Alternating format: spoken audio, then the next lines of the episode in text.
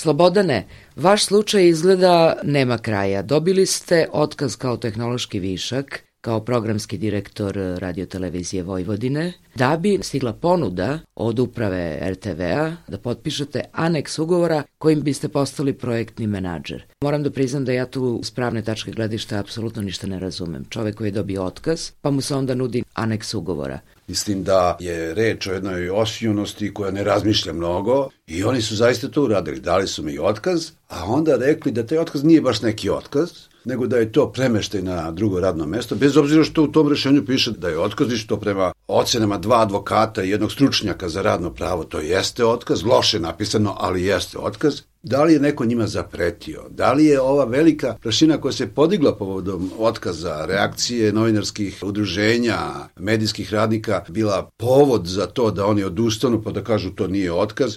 Ja sam imao jedan razgovor koji je bio tragikomičan su mu ubeđivali da to nije otkaz. Onda sam ja pitao pa dobro ako nije otkaz tog dana kada su svi objavili da ste mi dali otkaz zašto se vi niste oglasili i rekli nije otkaz nego premeštaj. Oni nisu imali odgovor, nego su mi tri dana kasnije rekli da mi daju neki aneks za produženje radnog odnosa, za koji tvrde da nije ni prekinut.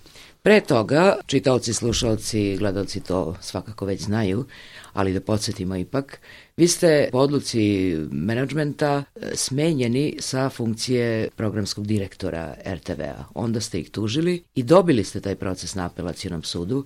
Međutim, vi niste uspeli uopšte, nakon odluke apelacijonog suda, da je to smenjivanje bilo nezakonito, niste uspeli da se vratite na svoje radno mesto, nego vam uručuju otkaz. Tako je, ja sam po odluci dva suda osnovnog suda, pa pošto su se oni žalili, onda i apelacijonog suda, vraća na mesto direktora programa radio televizije Vojvodine, koja je u stvari javni medijski servis. Mislim, da. treba to imati u vidu. Međutim, oni su odlučili da oni izvrše odluku apelacijonog suda tako što mi daju rešenje da sam programski direktor, a da programskog direktora koji radi umeđu vremenu zadrže na isto mesto i da u jednom trenutku budu dva programska direktora, što sam ja osporio odmah novom tužbom redovnom sudu, pre ovih novih otkaza, jer je to protivzakonito. U statutu stoji da Radio Televizija Vojvodina ima jednog i piše i slovima i brojem jednog direktora programa i da ne mogu postojati dva bez izmene te sistematizacije koja nije e, promenjena.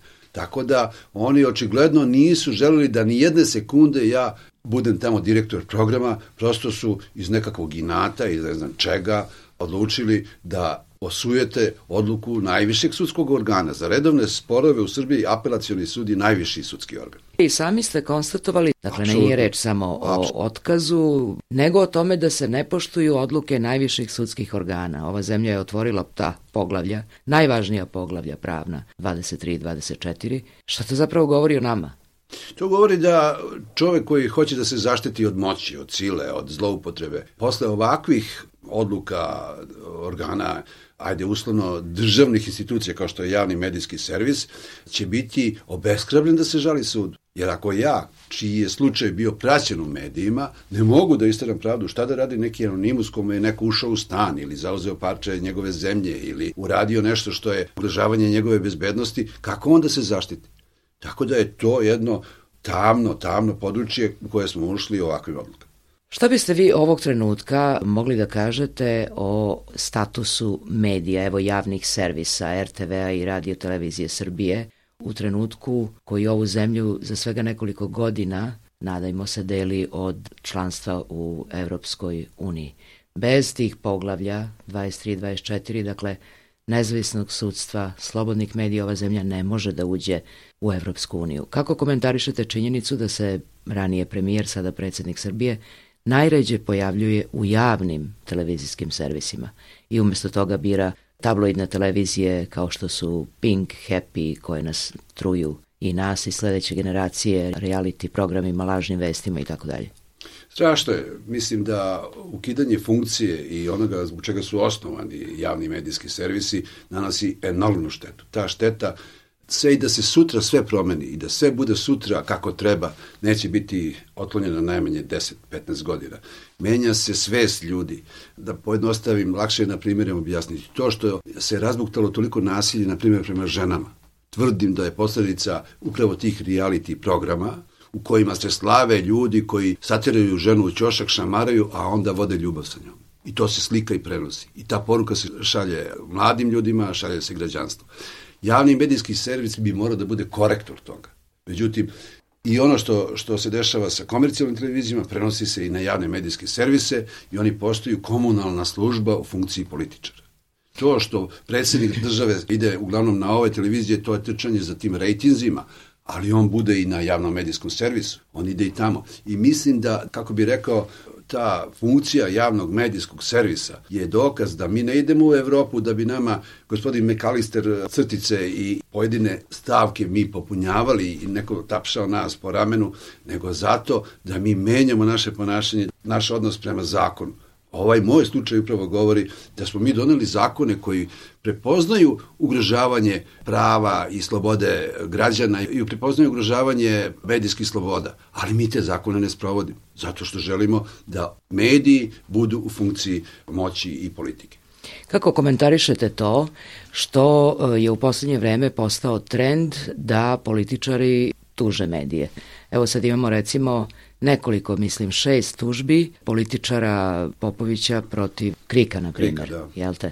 Imali smo famozni slučaj protiv Stefanovića protiv Nina, kad je sudstvo u Srbiji, koje je poznato kao vrlo neefikasno, za samo mesec dana rešilo taj slučaj, naravno u korist političara. A onda je apelacijni sud opet presudio u korist uh, da. uh, novina. Jeste, ali vrlo efikasno se sudstvo tada pokazalo kad Absolut. je političar tužio mediji. Obrnut je slučaj kada političar bude optuženi, ti slučajevi, sećamo se još iz vremena pokojne Verice Barać, ostaju stalno u predkrivičnom postupku. Pa, očigledna je namera i to je, kako bih rekao, situacija koja metaforički može da izgleda kao vo u kupusu. Vo hoće da pojede svaku glavicu. Ne može da bude nekog prostora koji ima slobodu, nego se upravo targetiraju oni mediji koji pokušavaju da budu objektivni i e, slobodni. Pri čemu kupus nisu mediji i novinari, kupus je javnost. A novinari i mediji bi trebali da budu baštovani koji bi trebali da isteraju tog vola. Mislim da budemo pošteni, ta intencija je bliska svim vlastima. Samo je pitanje do koje mere je njihova zadrška i koliko su spremni da čuju ono što im javnost, odnosno mediji, odnosno novinari poručuju. Mi smo sada u situaciji da prostor na kome se mogu sučeljavati mišljenja, da, da prostor gde se može čuti kritička misao, je sve manji i manji. Drugačija misa u ostalom. Apsolutno, drugačiji, ali i dakle, kritička, zašto da ne? Da. I to je funkcija, Raz, razumljivo, da. funkcija medija. Ja moram da vam kažem, razmišljao sam šta je to sad razlika između RTS-a i radio televizije Vojvodine, zbog čega je radio televizija Vojvodine bila na udaru. I kad sam pomislio da su to možda neke emisije gde su se sučeljavljala mišljenja, gde su dolazili političari iz različitih opcija i tako dalje.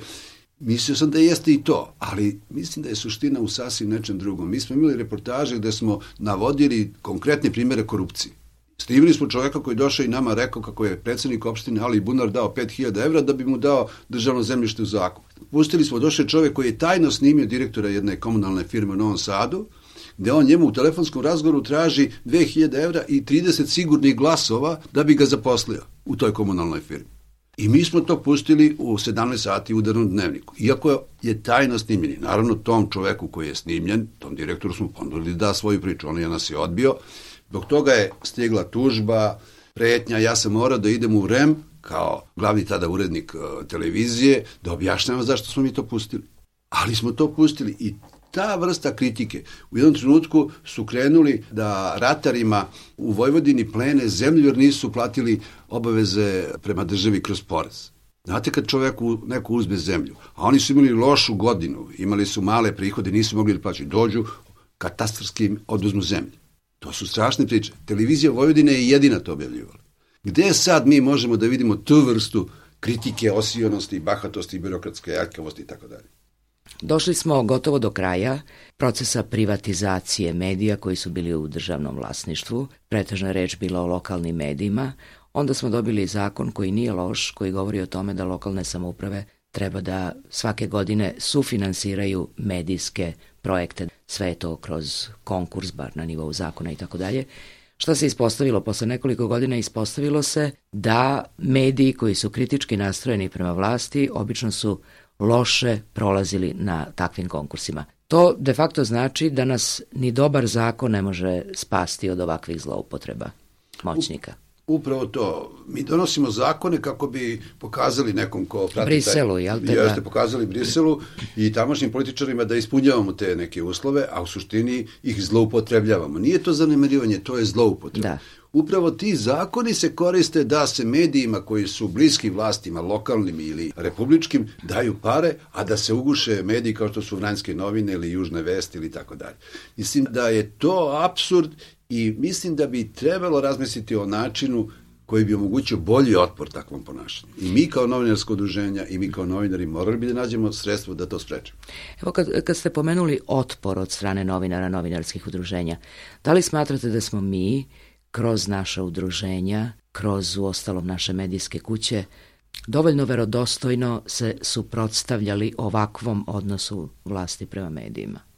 Ja ne bih doveo u pitanje verodostojnost. Mislim, e, verodostojno jeste. jeste. Da li je to bila Efikasno. dovoljna mera otpora? Jeste. Da li i mi završavamo često u tome da pišemo nekakva saopštenja?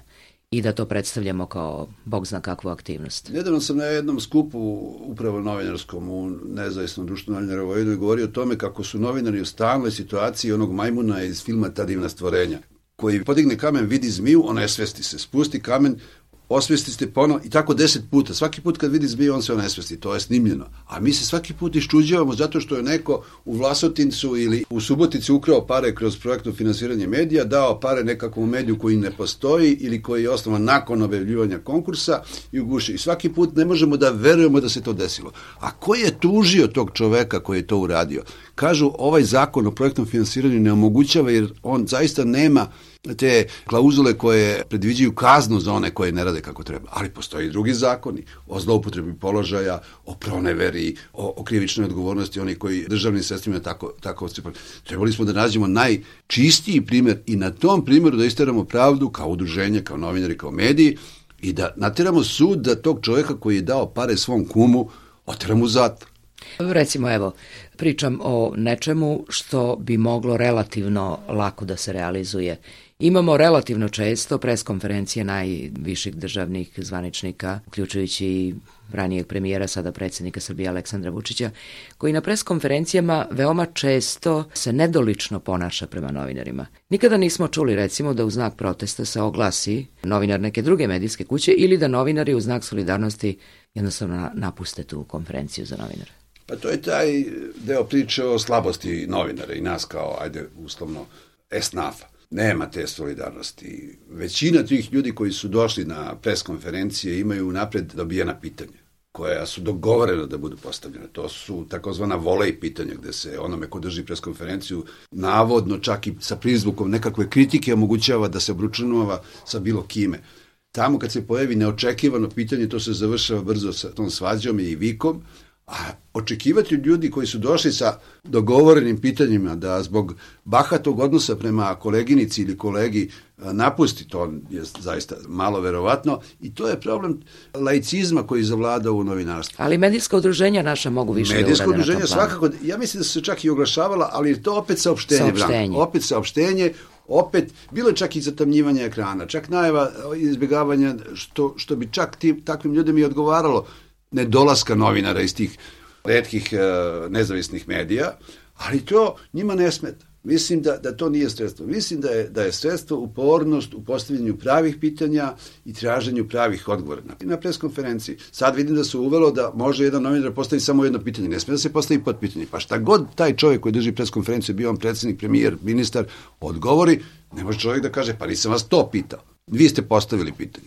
Da li mislite da bi naša esnaf mogao protiv ovih televizija koje proizvode lažne vesti i reality programe koji nas dakle zaglupljuju, kontaminiraju, da se bori i time što bismo, evo u eri interneta, mogli da napravimo neki internet mediji, pa neka bude i, i neki video medij, dakle televizija nekakva, to ne bi bilo mnogo skupo, zar ne? Pa nije to investicija koja bi onako bila nezamisliva kao realizacija. Mislim da bi trebalo iskoristiti priliku da u ovom trenutku 60% domaćinstava u Srbiji ima pristup internetu. To je ogromna da. količina sa kvalitetnim internet programom koji bi se emitovao preko interneta, koji bi vlast teško mogla da zaustavi, da se napravi televizija koja bi išla kao celodnevna televizija sa svojom šemom, ne ovo na parče, reportaža po reportažu, pa ko hoće da vidi, da. koja ima svoj redovni program i mogućnost odloženog gledanja,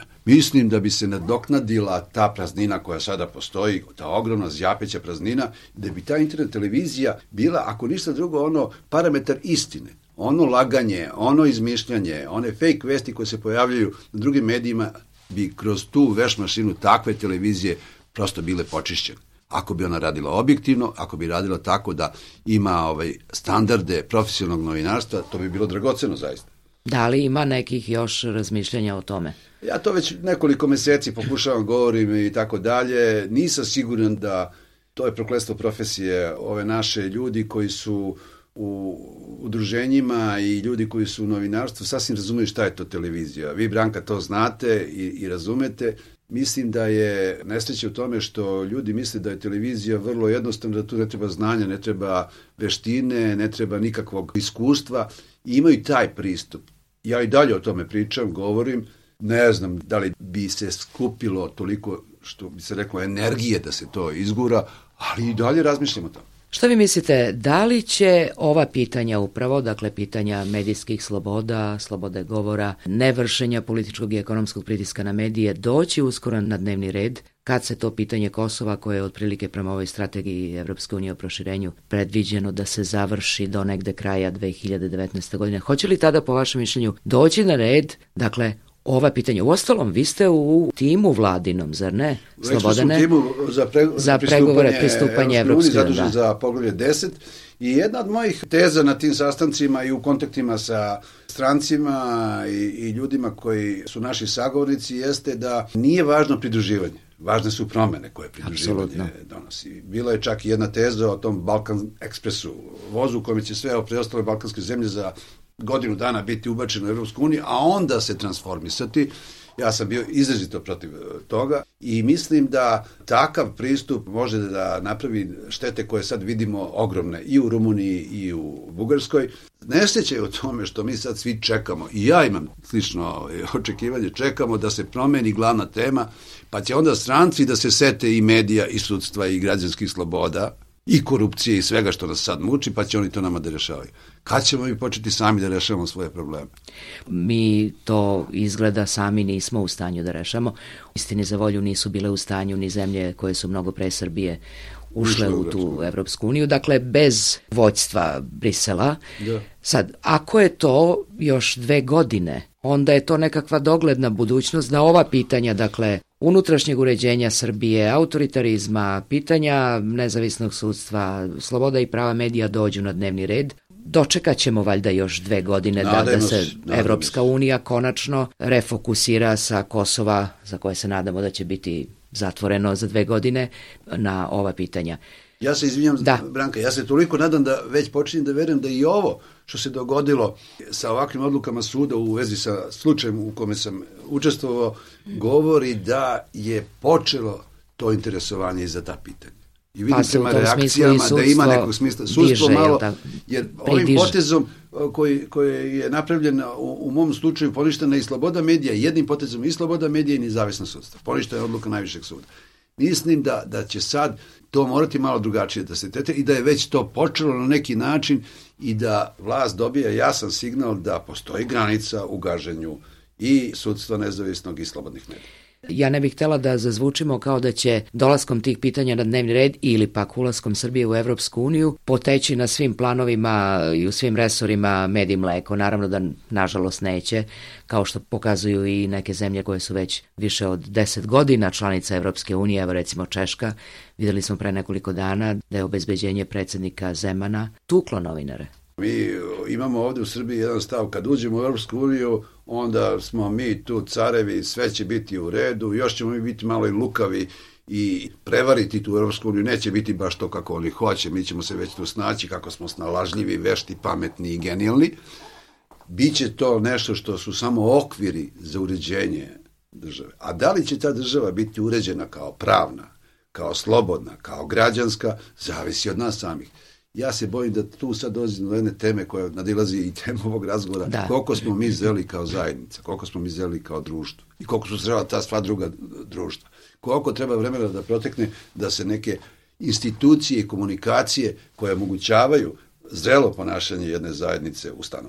Ali bez objektivnih, kvalitetnih i profesionalnih slobodnih medija ništa od ovih procesa Absolutno. ne može da se unapredi. To je jedan od prvih uslova svakako.